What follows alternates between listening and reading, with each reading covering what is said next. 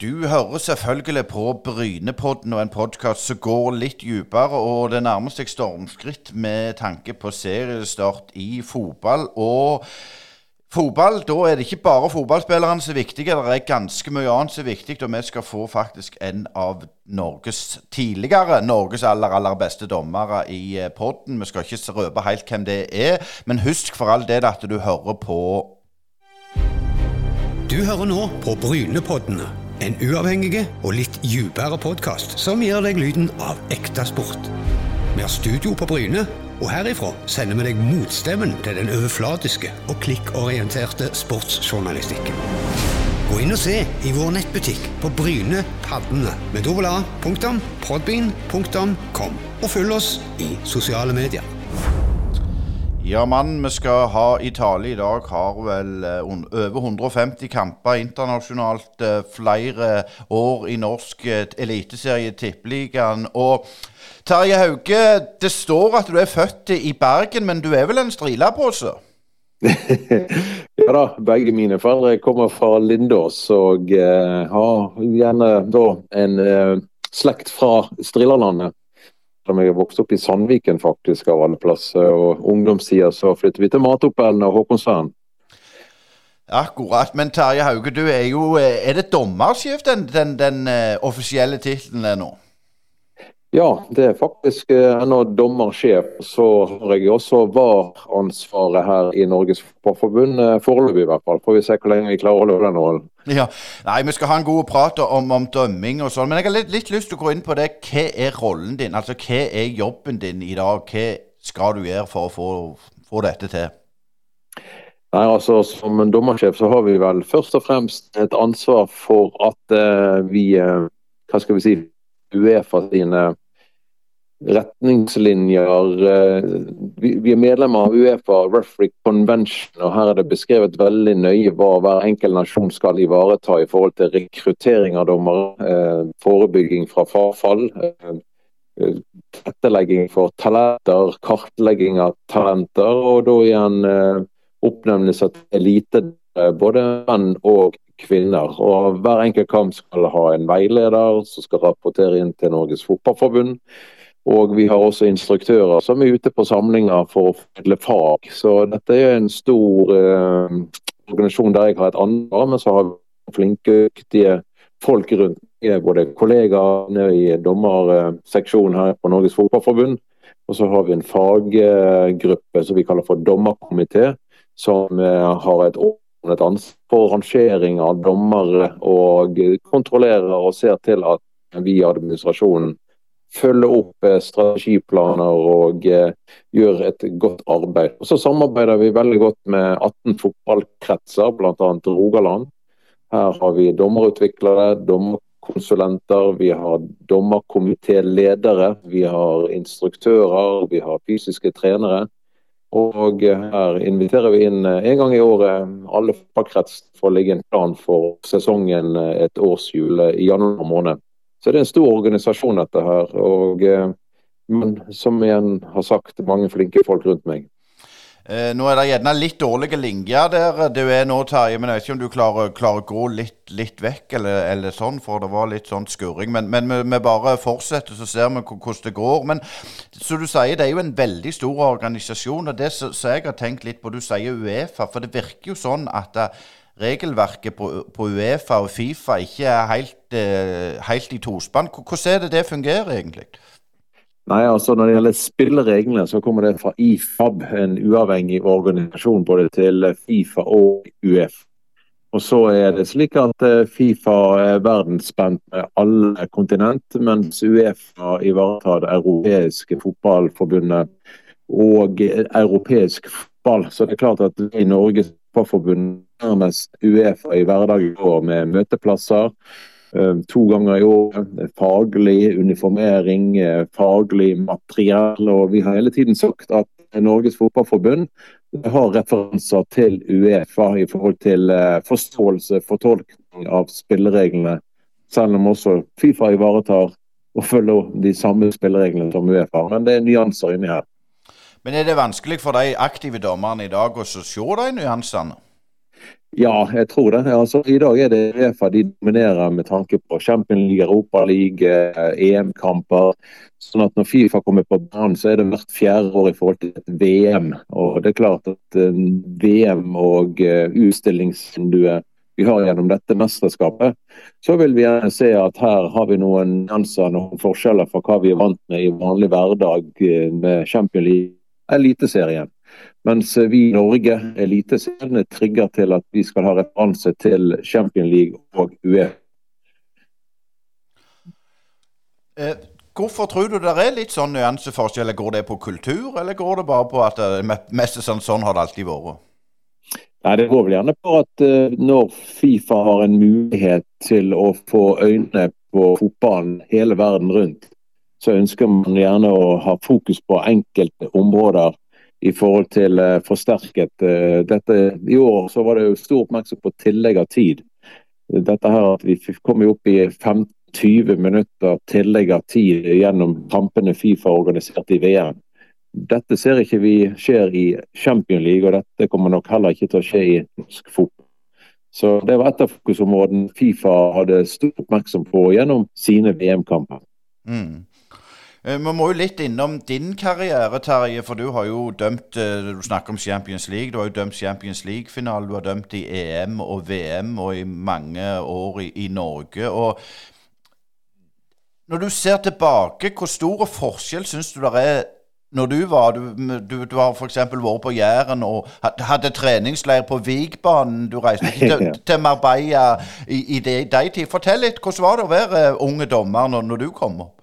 Nei, det er klart at Du kom inn eh, som toppdommer i 1987 og debuterte faktisk på Bryne eh, i eh, den gang Tippeligaen. Eh, var ikke det Bryne-Ålesund? Eh, så er det klart at Den gangen var alle hoveddommere. Sånn at eh, Noen kamper var vi hoveddommere, og noen kamper var vi assistentdommere. Så vi hadde ingen faste team. Dette her rullet av gårde til vi kom til 1992, og da bestemte for at vi oppnevner egne Fifa-assistentdommere. og Det tok noe til etterretning. Og vi fikk en egen gruppe assistentdommere. Ennå så gikk det faktisk ti år før man oppnevnte faste team og eh, i dag da, så har vi faktisk hoveddommere, to faste assistentdommere, som reiser til alle kampene sammen. Sånn at eh, det blir eh, mer eh, hva kan vi kalle dette her, profesjonelt i forhold til forberedelser, eh, analyser etter kampen, eh, satsing. hvor mye tid skal vi bruke på dette her? Sånn at I dag setter vi sammen eh, hoveddommere og assistentdommere ut ifra kvalitet, ut ifra ambisjoner og ut ifra hvordan man uh, henger sammen uh, sånn menneskelig at man trives sammen i samme team når man skal da bruke 80-100 dager gjennom en fotballsesong sammen. Det du sier, det er jo interessant. for Hvor fort, eller hvor tidlig spisser dere dette med assistentdomper? Nå vet jeg at, at på breddesida i Oslo fotballkrets har vel dere fått en en stilling der dere tester litt ut uh, dette med, med, med breddedømming og sånn. Fortell litt om Nå snakker vi mye om, om toppen, selvfølgelig, men, men, det er jo vel så viktig med bredden? Ja da, og hver enkelt fotballkrets uh, ivaretar dette med rekruttering, kartlegging av talenter. Man uh, får mentorer, man får veiledere, man får tett oppfølging hvis man ønsker å bruke tid som balldommer. Og eh, så kommer man oppover til Norsk Tipping. Eh, foreløpig så ønsker vi at alle sammen skal dømme fotball. Eh, og så på toppen av fotballkretsen kanskje begynner vi å sikte inn assistentdommerrollen. Og så når man kommer inn til Norges Fotballforbund, så ønsker man, må man ta gjerne valget skal vi satse som hoveddommer eller skal vi satse som assistentdommer. Og når vi kommer inn i Norges Fotballforbund som assistentdommer, så er det i Obos-ligaen. Men allerede i PostNord har man begynt å kartlegge hvem er flinke assistentdommere, hvem skal, hva skal si, bli profesjonelle assistentdommere inn mot Obos-ligaen. Og så eh, kartlegger vi Obos-assistentdommere inn igjen mot Eliteserien. Når det gjelder kvinner, så har vi eh, også oppnevnt nasjonale assistentdommer i toppen for første gang bare for et par år siden. Når det gjelder kvinner, så har vi faktisk doblet antall kvinnelige dommere fra 113 til 230 stykker de siste fem-seks årene. Sånn at antall kvinner stiger faktisk når det gjelder dommere. I, det ser vi veldig positivt på. Og Det betyr igjen at uh, vi får flere kandidater, flere talenter, og uh, kan begynne å bygge team på øverste nivå. Og uh, Det er en spennende sesong foran oss når det gjelder kvinnelige dommere å sette sammen som team, og da igjen assistentdommerrollen. Du nevner jo selvfølgelig at kretsene er jo mye i begynnelsen for å få de med i ung alder. Sånn. Men hvor mye er dere i Fotballforbundet tett på kretsene og styrer? Det er jo styrt ifra dere, selvfølgelig. Men er det store forskjell i Norge på kretsene med tanke på rekruttering av dommere, eller er det stort sett greit?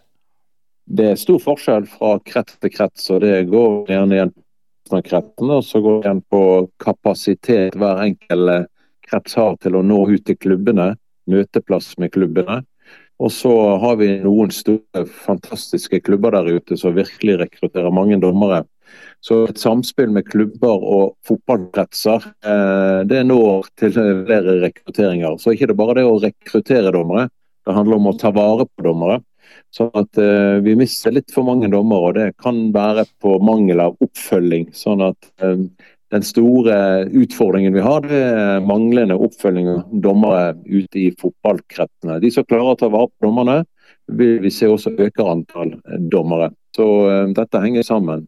Når det gjelder Norges Fotballforbunds tilrettelegging, så igjen alt fagmateriell hentes her fra Fotballforbundet. Alle fagpresentasjoner hentes i Fotballforbundet. Alt dette deles på, denne på vår webside, så hvem som helst kan gå inn når som helst og se på vår webside hva vi presenterer til toppdommerne våre. Så vi utfordrer kretsene til å presentere til uh, sine kretsdommere, slik at alle sammen får de samme presentasjoner, samme formidling og samme forståelse og prøve å skape en uniformering for hele fotball Norge. Så uh, prøver å ha det åpent uten filter, slik at igjen alle kan se hva vi presenterer for våre dommere. Eh, du snakker litt om rekruttering. Det er store forskjeller i kretsene. Hva vil du si er, er hovedutfordringer? For det er klart Når du ser jeg kaller det mainstream media, så får vi jo selvfølgelig alle de triste um, historiene om at det er en eh, tiåring som har blitt æreskjelt av foreldrene og spillere og sånn. Det skjer, det kommer alltid til å skje, men er det òg litt sånn farlig at en dyrker de der negative sakene litt for mye? Ja, altså, hva skal jeg si.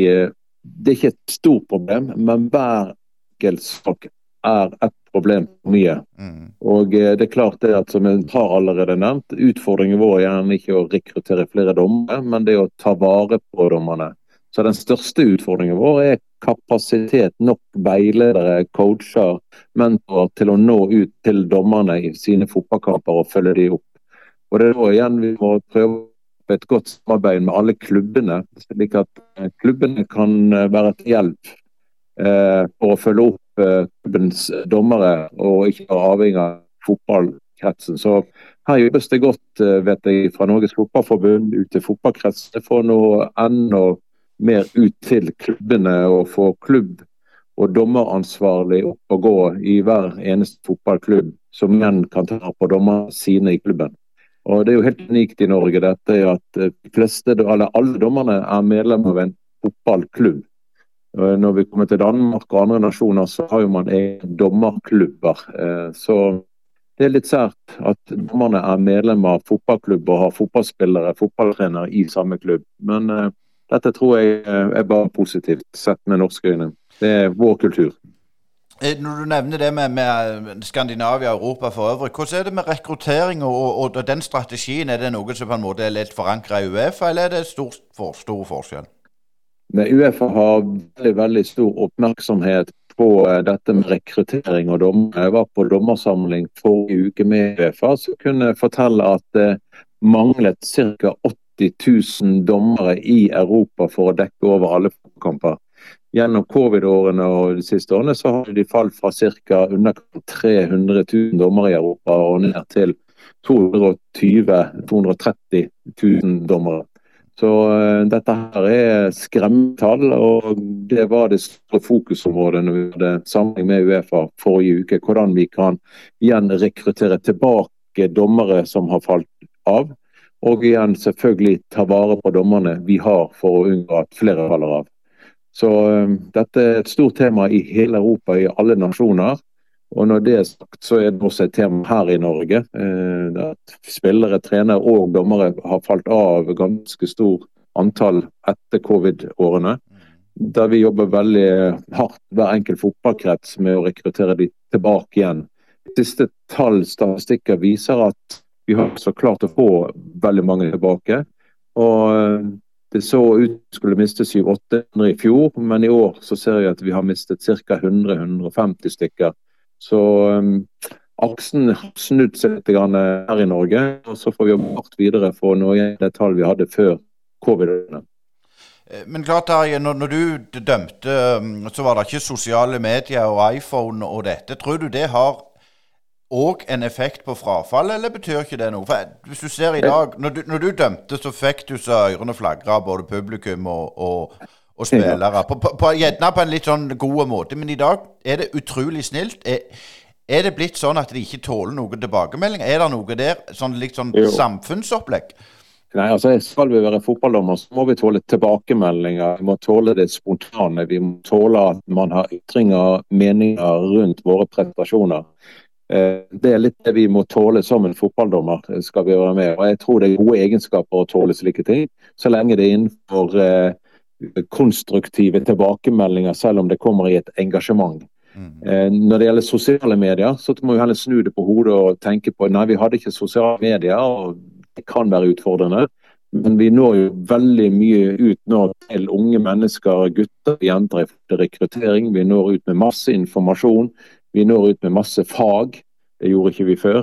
Så jeg vil heller snu det på hodet og si at eh, med sosiale medier så får vi ekstremt mye informasjon ut til dommere, ut til fotballfamilien. Som igjen skaper en forståelse for roller vi har, og skaper en forståelse for hvordan man skal opptre på fotballkampene.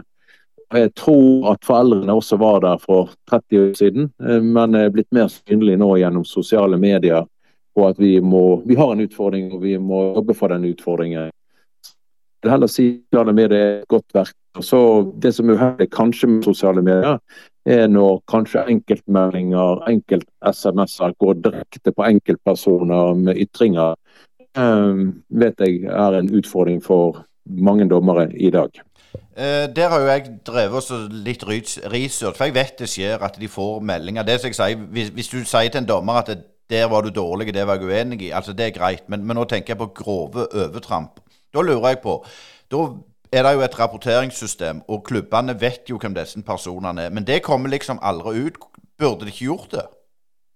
Eh, jeg får snakke for Norges Fotballforbund. og Disse ytringene kommer, så skal våre dommere rapportere dette til Norges Fotballforbund. Vi internt i Fotballforbundet vurderer hver enkelt tilfelle i forhold til politianmeldelse. Så Enten så politianmelder vi det, eller så tar vi kontakt med de som har sendt meldinger og sier gjentar dette seg, så blir man politianmeldt. Og De fleste tilfeller så tar vedkommende som har sendt melding kontakt med dommer og ber om unnskyldning. Og så må vi gå denne veien opp med alle våre fotballkretser, at vi prøver å nå ut til de ytringer som ikke kan aksepteres. Mm. Vi når ikke ut til alle. Eh, noen ganger må vi bare slette meldingen og overse denne meldingen. Eh, noen ganger er det truende og over grensen, og da må vi reagere på dette her. Og Sånn må vi sette dette i et system sammen med alle våre fotballkretser og gi en tilbakemelding at dette er ikke akseptert, og i flere tilfeller vurdere å politianmelde dette. Men sånn som jeg tolker svaret ditt, så, så, er det en utfordring, men det er ikke et kjempeproblem? Det er en utfordring, men ikke et kjempeproblem. Riktig. Uh, dette med profesjonalisering av, av, dommere. Eh, nå vet jeg jo at det er en ny medieavtale på gang der det er mye penger som kommer inn til, til fotballforbundet. Dommerne, sånn som jeg forstår, de får jo eh, jeg skulle til å si for å bruke båtuttrykk ei hyre for hver kamp. og de er ikke ansatt, de jobber fullt utenom. Er det en utfordring? Bør dette profesjonaliseres, så du får profesjonelle dommere så de kan yte bedre? Hvordan ser du på det? Ja, vi skulle gjerne hatt eh, profesjonelle dommere. Og så um, kan jeg også si at um, 105 dommere, det er jo noe som har gått over lengre tid. Først var det gjerne bare våre internasjonale dommere, så ble det et, våre eliteseriedommere pluss toppseriedommere. Og nå har vi strekt oss helt til 105 dommere. Har en avtale med Norges Fotballforbund og vi definerer de til arbeidstakere. Og de får en utbetaling på minimum 15 kamper garantert i en sesong, sånn at de får lønn hver måned. Så skulle man bli skadet, skulle man bli syke, så har man en garanti for 15 kampers utbetaling.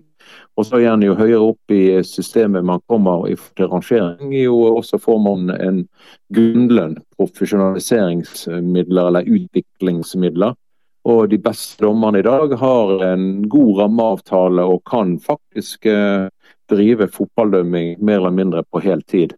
Men de fleste selvfølgelig ønsker å ivareta yrket sitt, ønsker å ivareta arbeidsplassen sin eh, i forhold til kollegaer, ha en hverdag og kollegaer å gå til. Sånn at de beste dommerne i dag har nok en eh, deltidsjobb knyttet til sin ja, jobb som fotballdommer. Og dette er kanskje mest utfordrende for internasjonale dommerne, som får oppdrag om å snu veldig fort og få korte varslinger eh, fra de får oppdraget til de skal reise, og må ha en fleksibilitet i hverdagen med sin arbeidsgiver. Så det kan være litt utfordrende for våre internasjonale dommere, men igjen, de har også for så vidt gode rammeavtaler. Så får vi jobbe videre for å heltidsprofesjonalisere de etter hvert som eh, årene nærmere, altså kommer nærmere. Og Vi har jo VAR her inne òg så det som vi alle er spent på, det gjelder dommerne og det gjelder oss, er jo hvilken belastning dette gir våre beste dommere som både er på banen og også i VAR-senteret. Og eh, her har vi en tett dialog med Dommerforeningen som ivaretar de beste dommerne. Ja, Når du er inne på dette med VAR, det vel Ja, det, det vet jo du alt om, men, men, det virker jo sånn at da blir det flere dommere per kamp. Det øker kostnaden både for klubb og, og, og kretser og, og, Fotballforbundet, hadde jeg mest på å si. Fortell litt sånn så, så, vi forstår dette med VAR, hva det innebærer og hvordan skal det bli nå i sesongen? Ja, Bare for å ta kostnader først, så vil jeg bare understreke at kostnadene for å ha implementert VAR i Norge deles mellom Norges Fotballforbund en tredjedel, eh, klubbene en tredjedel, da tenker jeg Eliteserien, og TV 2. Sånn at alle er med på et spleiselag for å få VAR opp og gå. Eh, når det gjelder antall dommere, så har vi sett for oss at dette var kommer, forhåpentligvis.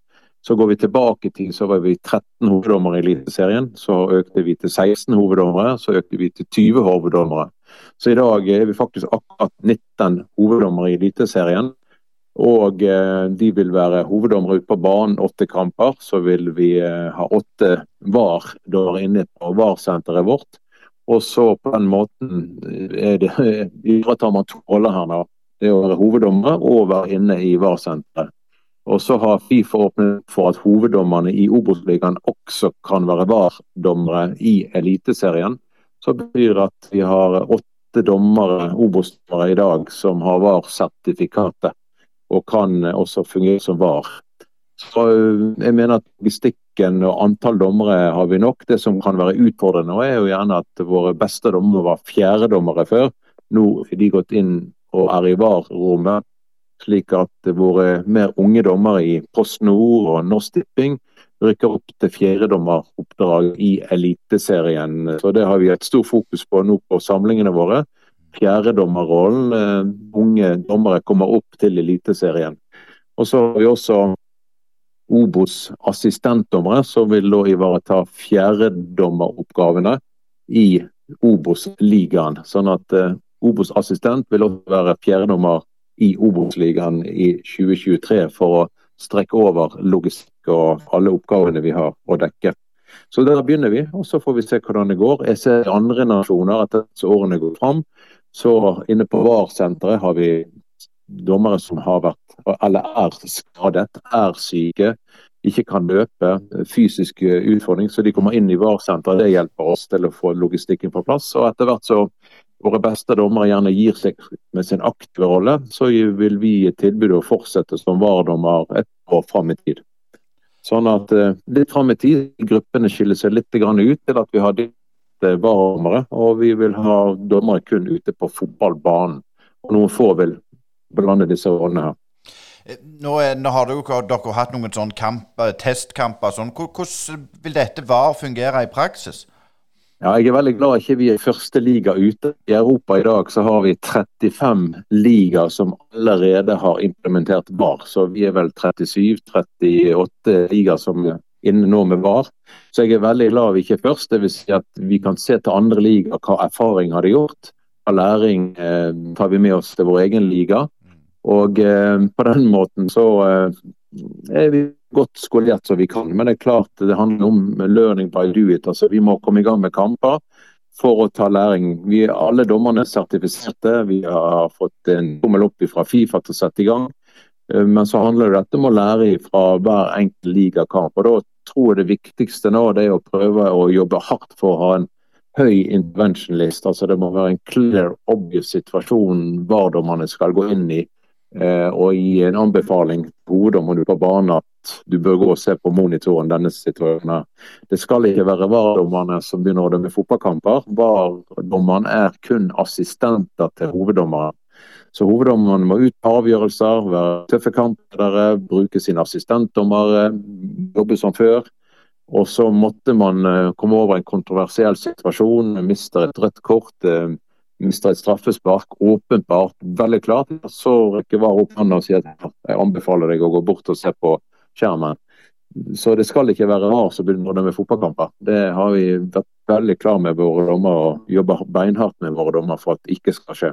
Ja, for du, Vi følger jo med på, på engelsk fotball og Premier League, og når de fikk. VAR i begynnelsen, så, så var det jo Ja, det var litt så der, hvis det er lov å si det? Ja, det stemmer nok at i Premier League det første året så var nok VAR som dømte en fotballkamper. Ehm, det har jeg forstått slik at Premier League ønsket ikke stopp i kampene. Ønsket at man skulle komme raskt i gang i kampen. Ønsket gjerne at VAR tok det bort en avgjørelse, og så kommer man seg videre. Men dette her med å selge dette her, skape en troverdighet i dette her, hvem er det som tar avgjørelse her, det holder ikke på den protokollen. Så her må det være hoveddommer som går bort på skjermen og tar avgjørelser. Og så må vi jobbe for at det er en høy interventionist, slik at ikke kan komme bort på skjermen mer enn det som er høyst nødvendig i en fotballkamp. Og da må vi ha gode dommere ute på banen igjen. Så det jobber vi med våre dommere, og de beste dommerne skal dømme flest kamper ute på banen. Og de som blir etter hvert gode VAR-dommere skal ha flest kamper inn på VAR-senter. Så der får vi ja, skal vi si, vi begynner bredt, og etter hvert så får vi se hvem som uh, tar rollene uh, i forhold til kvalitet. Ja, Det var litt interessant, for nå så vi jo VM, og da syns jeg, jeg personlig det fungerte veldig greit. Er det noe med det òg, altså til bedre kall det VAR-dommere og bedre dommere, til bedre fungerer VAR òg? Ja, og vi ser jo det at de som er med på VM, er jo dedikerte VAR-dommere som har ja, jobbet stort sett bare som VAR. De har gjerne vært dommere i ligaene sine. Det kan være Tyskland, det kan være Italia. Vi ser store nasjoner dominere akkurat dette her, for de var tidlig ute med VAR. Og eh, etter hvert så blir man profesjonelle VAR-dommere og har, hva skal vi si, vet hvor linjen ligger, vet hva man skal se etter, sjekker ting veldig fort ut, og kampene går fort framover.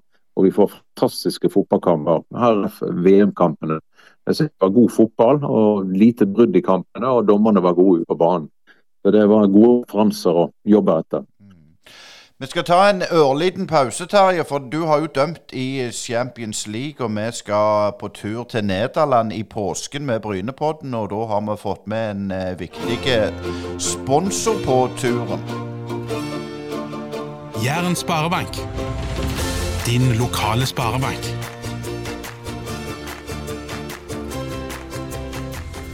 Må jo selvfølgelig innom din eh, fantastiske rekord. Du har dømt i Champions League og i Champions League-finalen. Og Mesk på Brynepodden skal ned til Heerenveen og Ajax. Og i Ajax, der har du òg vært? Ja, i Ajax har jeg veldig å få på besøk eh, flere ganger, faktisk. Men kampen kanskje jeg husker best. Det var vel kvartfinale Champions League mot Milan. Eh, endte riktignok 0-0 eh, for en del år tilbake i tid, ja. Men Ajax og Holland generelt er en flott flott eh, liga å komme til og besøke. Eh, du har vært ganske Eller jeg syns det. Du, har, du, er ganske beskjeden i forhold til din eh, karriere og sånn. Er det bevisst? det? Altså En, en beskjeden bergenser, de er jo ikke så mange av. Nei, det er sikkert ikke så mange av. Jeg, jeg, dette som, Kampene mine er fort historie. Kampen i morgen er alltid viktigst. og i min rolle så har jeg gjerne ikke så veldig mye tid og tanker for bakover, men må tenke hele tiden framover. Og selvfølgelig er man stolt av sin egen dommerkarriere og bruker all erfaring man har med seg inn på tiden som kommer. Men eh, samtidig så er det dette her med kampen i morgen, våre beste dommere, forberedelser som tar min tid og min oppmerksomhet. og ikke så mye tid å sette seg ned og tenke bakover. Nei, nei, for du har jo vært på Anfield, på Camp Nou, VM Altså, du har jo vært overalt. Og, hva er det du, Hvis du ser litt sånn overordna på, på, det, hva er det du har tatt med deg? Altså, Sånn som jeg ser det, så, så er det en fotballfamilie, om, om, du spiller på Liverpool eller på, på Høle eller eh, Olsvik, så, så, er det en felles interesse der. Altså, Det jeg har tatt med meg, er at det, det går an å komme fra Norge, og det går an å fakte med Champion League på høyt, høyt nivå over mange mange år, bare man jobber beinhardt og har troen på dette her. Og så har jeg sagt mange ganger, eh, fotballdommerne vokser ikke bare rett inn i Champions League eller rett inn i himmelen. Det er alltid dette med to skritt fram, og så smeller det, og så er det skrittet tilbake igjen. Og Det er akkurat dette skrittet tilbake igjen du skal lære å stå i, og ikke begynne å være så opptatt av alle andre. Hvorfor gikk det galt? Men klarer du å ta inn over deg Jeg kan faktisk lære av følgende. Jeg skal komme tilbake igjen, og jeg skal videre Og stå i dette over lang tid etter mye juling, så går det an å nå faktisk til et høyt nivå. Så det går an å være på bra nivå. Det prøver jeg å bringe inn i min gruppe, vår gruppe, til at de unge gutter og jenter Alt er mulig med hardt arbeid. Men når motstanden kommer, det er da det handler om å lære, ta til seg læring for å komme tilbake igjen og bruke det når man igjen kommer opp i samme situasjon. Så ja, men, men akkurat du, det du sier der, Terje, det, føler du det har endra seg med året? At eh, når du får den i fleisen, for den får du jo i livet generelt, det samme hva du holder på med, eh, ja. har vi blitt litt, kall det, veikere der? Det skal, eh, ja, det, det, er god, det, er et godt spørsmål. og Jeg har gjerne ikke vært flink nok til å reflektere nok. Men ja, uansett hvilken rolle vi har i dette livet, og spesielt nå fotballdommer, vi, vi må ikke tro at alt går flytende rett fram. Vi må vite at det smeller en dag. Og så håper vi på at vi er på en bølge lengst mulig før det smeller, men det smeller en dag. Mm. Og Den dagen må vi være forberedt på. Og den dagen må vi liksom håndtere, takle, uten å begynne å skylde på alle andre. Eh, enten spillere, eller barneforhold, eller værforhold, eller kollegaer eller assistentdommer. Vi må ta inn over sjøl at det er mitt ansvar. Og så eh, hvordan skal vi komme oss ut av motstand? Eh, forhåpentligvis på bare et par kamper så er vi tilbake igjen. Og jo lengre tid det tar å komme tilbake, jo gjerne vanskeligere å komme helt tilbake der. Det er i hvert fall lengre tid tar Så dette her å lære å takle motstand, lære å ta til seg læring i motstandsperioder, det tror jeg er nøkkelen til å ha suksess både sommer og sikkert mange andre roller her i livet vårt. Mm. Ja, og om vi er blitt veike, tja. Kanskje, vet ikke. Vi har sikkert noe å gå på her alle sammen, og noe å lære av det. Og, det, er da, og det, det, er da man lærer. Virkelig lærer. Ja. Ja, ja, det er det. Og, og jeg tenker litt sånn òg med litt dette med sosiale medier, uten å nevne navn, så er det jo ja, det er jo fotballeksperter og dommereksperter på, på, stadion og i sosiale medier, men det er jo òg andre dommere, tidligere dommere, eh, både inn- og utenlands, som sitter i fotballstudioer rundt forbi, og, og, og jeg, av og til så blir det harselering. Er det bare en del av gamet, eller er det sånn at du som, som dommersjef blir litt sånn oppgitt av og til? Nei, det er en del av gamet. Og da igjen, dette må vi bare forholde oss til. Når man reiser rundt til alle nasjoner, alle nasjoner tidligere toppdommere, som sitter enten på TV-studio eller i aviser eller har blogger og ytrer om eh, ja, eh, avgjørelser. og Det må vi bare lære å leve med. Og så vite at eh, vi har troen på det vi holder på med, og vi har troen på våre, eh, hva skal vi si, vårt mannskap. Og så vet vi òg ja, at eh, vi ikke er perfekte, vi kan gjøre feil, som jeg nevnte her i sted. Og så handler det om å lære dette her hele veien. Og så har de en helt annen jobb inne i studio i forhold til formidling til publikum, seere, for å få mest mulig seere til å komme og se på. Mest mulig folk til å like dette her det viktigste de som eh, er der ute som eksperter, tidligere dommer, det er at de til faget riktig. Det er kanskje noe som irriterer når man bommer på fag. Men at man ytrer det hardt noen ganger, det tror jeg som sagt vi må lære med. Og så tror jeg, ser jeg til andre nasjoner, er vi heldige her i Norge eh, med at det ikke er så omfattende som andre nasjoner. Eh, når, når, denne podden blir sluppet, så er det, det, det er rett før påske. Og, og dine vår, Jeg får si våre beste dommere har vært ute i offent, nei, offentlig, nå skal du høre, i, i nasjonale um, dommeroppdrag, internasjonale. Eh, fortell litt om ståa i, i, i, den internasjonale gjengen som du har. For, for vi er litt på, på, på vei opp. Ja, vi har jo gjort et beinhardt arbeid over sikkert en fire-fem år nå. Sant? Vi hadde Svein Oddvar fra Rogaland som vår store, store dommer, og jo en fantastisk dommerkarriere. Eh, og så eh, var det slik nå at vi fikk et nytt styre i Uefa og begynte å satse på nye dommere. Og så eh, måtte vi neste generasjon. Og så kom covid-19 og stengte fotball ned litt. Og I denne perioden har vi jobbet hardt her hjemme med å finne våre neste dommere til europeisk toppnivå. I dag har vi Espen Eskås med oss. Ja, Rohit Saggi med, som er våre to beste dommere på herresiden. På kvinnesiden har vi fått Henrikke Nærvik og Emilie Torkelsen. Og tre av disse her, altså både Espen og Henrikke, har vært på Champions og dømt som har vært målet vårt. Og de er unge alle sammen. De har 10-12-13 år foran seg. Og Uefa har kartlagt de, og de har med talentprogram, de er med support group, de får fysisk oppfølging fra Uefa. Så uh, nå er de kommet inn på et spor som er positivt, og så må vi jobbe hardt nå med de som ligger etter disse igjen. Og vi har mange unge, spennende både gutter og jenter på et meget bra nivå, så jeg er ikke bekymra for framtida.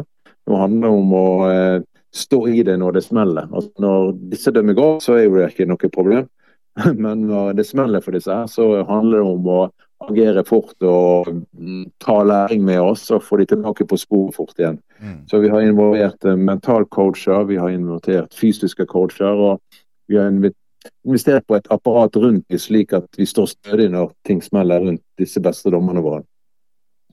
Det du nevner der, hvor flinke har dere vært og kommunisert det? For jeg mener jo det du sier nå er jo ekstremt viktig. Ja, vi har vel ikke gått høyt ut og sagt nå gjør vi det, gjør vi det, nå tilrettelegger vi. Men uh, vi har vel kanskje gått litt ned i det stille og lyttet til våre aktive i forhold til hva er det vi trenger for å bli gode. Og tatt ting til etterretning og løftet opp uh, de forskjellige roller som jeg har nevnt her nå. Så det er ikke bare dommersjef som skal uh, putte inn læring til disse beste dommerne, men uh, vi har flinke folk med forskjellig kompetanse. Slik at uh, man utfyller Man er et team som jobber med de beste dommerne i dag. Så, og så må de være selvgående, selvfølgelig. Sant? Det er ikke slik som et vanlig fotballag at man kommer på trening hver dag med sin egen coach. I og med at vi bor hele Norge rundt så er vi avhengig av at hver enkelt jobber eh, er veldig selvgående, er veldig disiplinert og igjen har en evne til å evaluere egne prestasjoner i samspill med, med coachen sin, med, med mentalcoachen sin osv. Så igjen Svein Oddvar Moen, bare for å nevne hans navn inni her, så blir han med i år og er coach for Espen Eskås og Saggi å overføre sin kompetanse til våre beste unge dommere i dag. Så vi, vi er et godt team alle sammen, syns jeg. Ja, det er viktig det å overføre kunnskap sånn mest sagt gjennom generasjonene. Eh, nå går tida her, Terje, men jeg har lyst til ett siste på en måte tema. Det er dette Dere har jobba litt under radaren, litt i det stille. Ser vi på andre grupper i, i Fotballforbundet og eh, Uefa og eh, Fifa-kongresser og alt, så er det ekstremt politisert rundt om i fotballen. Fotballen er den største organisasjonen på idrettssida. Er det noe dere har reflektert over, eller du? Er det bare heldig at det blir så politisert alt at det ikke er fotballen som står i sentrum lenger? Ja, et godt spørsmål. er som jeg, eh, Her må vi bruke mye tid, skal jeg gå i dybde på dette her. Jeg eh, har valgt å ha fokus på Uefa. Eh, Uefa er nå en gang vår nærmeste store partner i forhold til organisering av Champions League, Europa League, U21-kvalkamper, U17-19 miniturneringer. Vi jobber hver dag for så vidt med Uefa.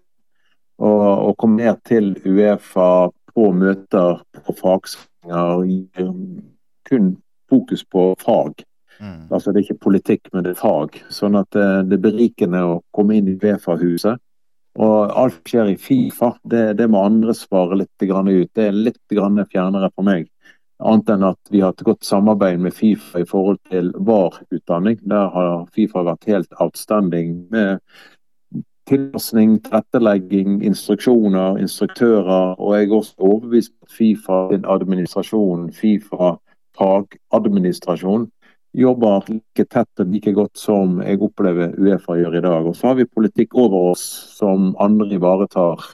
Som igjen Lise som president i Norges Fotballforbund ivaretar, mens vi jobber med faget her på grasrota og forholder oss til det. Men jeg forstår jo selvfølgelig du kan ikke svare på egentlig på det jeg spør om, men, men jeg som fotballfan syns at det blir vel mye politikk. og Det er jo derfor du blir invitert til Brynepodden og forteller om faget. Altså, Kan det bli òg for mye fag? Eller for lite fag? Eller for mye politikk eller for lite politikk? Er det noen som tar, de, tar dere de diskusjonene på, på kammers? Ja, altså, Min rolle er å ha ansvar for kvalitet ute på fotballbanen fra fotball til breddefotball. Eh, da igjen tilrettelegging for fotballkretsen. Jeg må forholde meg til det. Og så selvfølgelig har vi politiske føringer over oss. Eh, vi får alt fra strategiplaner til satsingsområder som eh, både Uefa og Fifa kommer ut med, som Norges Fotballforbund løfter opp på tinget. Og tinget vedtar i forhold til strategivalg, som vi må også tilpasse oss. Mm. Så min hverdag er faget, og så forholder jeg meg til at det er diskusjoner på politiske nivå. Men der må andre komme inn og diskutere, ta valg. Men jeg, så lenge jeg er ansatt i Fotballforbundet, er lojalt valg som blir tatt i forhold til å ivareta faget som uh, dommersjef i Norges Fotballforbund. Ja.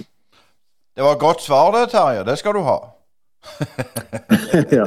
et godt svar vet jeg ikke, men uh, nå er jeg ærlig med deg. Ja, ja, det det du er. Og det er bra. Men jeg, før eh, når jeg tok kontakt med deg, så sa jeg jo det at jeg ikke skulle komme opp med, med alle feil du har gjort. Det er ikke helt sant. For, for til slutt her nå så, så, så, er det jo ingenting som diskuteres mer på arbeidsplasser enn en dommeravgjørelser og, og fotballkamper historisk sett. Ja, ja, og en av mine største blundere gjorde jeg sikkert på Vikingstadion, der Daddason, jeg ikke blir husket, det var vi som spilte mot Vålerenga. Og så er det innlegg, og så kommer Daddason på Viking og hadde ballen i mål, oppfatter jeg. Men bildene etterpå viser at han slo ballen i mål med armen sin. Den gangen var det Drillo som uh, trente Vålerenga. og da husker jeg jeg hadde VG-stoff, VG-sider, fire dager på rad. Med Drillo gikk ut og sa at dommeren Viking, og jeg hadde møte med Drillo. og ja, det, Vi snakket gjennom avisa fire dager, meg og Drillo, husker jeg. Så ja, det var tøffe dager, syns jeg sjøl. Men var, det, nå er det jo litt tøft etter at du kom opp med denne, for det var ikke denne jeg hadde tenkt å si. For dette, dette som jeg sier nå, er faktisk helt sant. For jeg, jeg sa på jobben min at jeg skulle ha en prat med deg. Og mm. da, kom det fram at han, eh, jeg kan si Bjørn, han spilte høyreback på Vidar i 1988. Ja. Og han sa det at da hadde de rykket opp, for de hadde spilt kampen dagen før. Og så var det jo denne kampen mellom eh, Vard og Viking. Der, ja. der uh, Alf Gård Tveit da hedde ballen ut av keeperen ja. til Vard. Og, ja og du dømmer straffe, og Arild Ramdal setter straffe på et, ja. et kvarter på overtid. Og, ja. og, da skulle jeg si til han Bjørn, han likte ikke deg så godt, for der røyk opprykket. ja, ja, ja. Det er masse historier. Det som eh, Altså, det, det, jeg husker, jo at jeg ser situasjonen, og jeg opp oppfatter etter spillereglene at det er lov å heade ballen så lenge ikke det er farefullt for keeper. Jeg mener at det ikke var farefullt, Jeg står helt i ro og godkjente dette. Så det var nok min unge ja, hva skal vi si, tilnærming til spilleregler. og De mest erfarne de blåste på dette her og gjorde dette enkelt. Men uh, når det er sagt, um, året etterpå når jeg kom til Viking stadion og sto og varmet opp da husker jeg alle publikummene på Stavanger stadion eller Vikingstadion eh, reiste seg opp og applauderte eh, Hauge, som hadde gitt oss straffespark på overtid til Viking oppe i Haugesund eh, året før. Så, så jeg, jeg, har jo alltid følt at jeg har alltid trivdes nede i Stavanger, Bryne, på Rogaland. Og har masse gode venner og kollegaer her nede. Det var jo ikke sånn at man bodde i Bergen. Og så når man skulle dømme fotballkamper, så ble man sendt til Rogaland. Sant? Eh, den gangen Djerv, eh, Haugar, eh, etter hvert Haugesund, Djerv 1919, Viking, Bryne, Klepp. Ja, så jeg ble jo sendt Jeg hadde annenhver helg få nedover til Rogaland og dømte mm. fotballkamper. Med masse gode venner her nede. Og, Og, den siste kampen din var vel òg på, på mot, Viking? Du ønsket det? Ja, det ønsker jeg meg. eh, Og en artig historie her òg. Sånn 45 minutter før slutt, det er før kampen begynner, så kommer vel Reidar Goa løpende inn i garderoben. Nå telefonen, den er til deg, Terje, men det er jo bare 45 til start. Jeg kan ikke ringe telefonen. Men ta den, ta den her. og så tar jeg telefonen, og dette er Benny Lennartson. Jeg kommer dessverre ikke på din siste fotballkamp eh, her. Jeg er i Paris og er litt opptatt, men jeg bare ønsker deg eh, lykke til med siste kamp og gratulerer med en fin dommerkarriere. Hilsen Benny.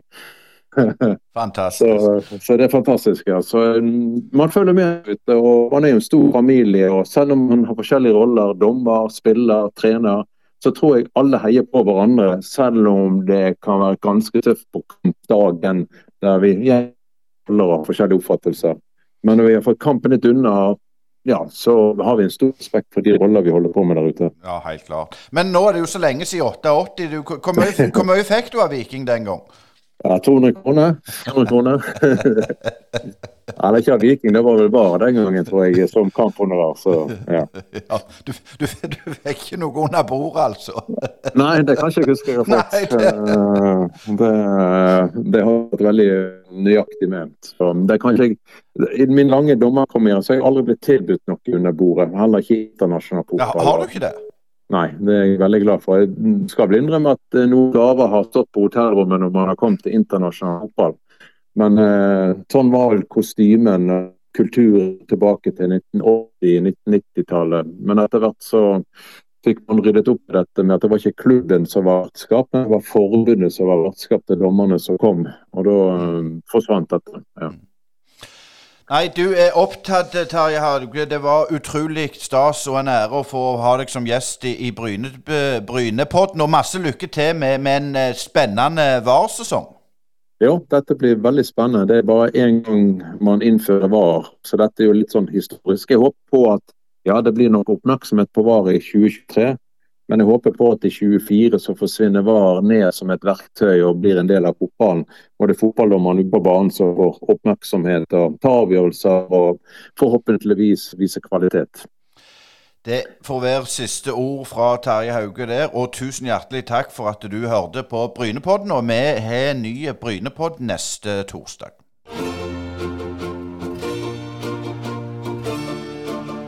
Jæren sparebank din lokale sparebank.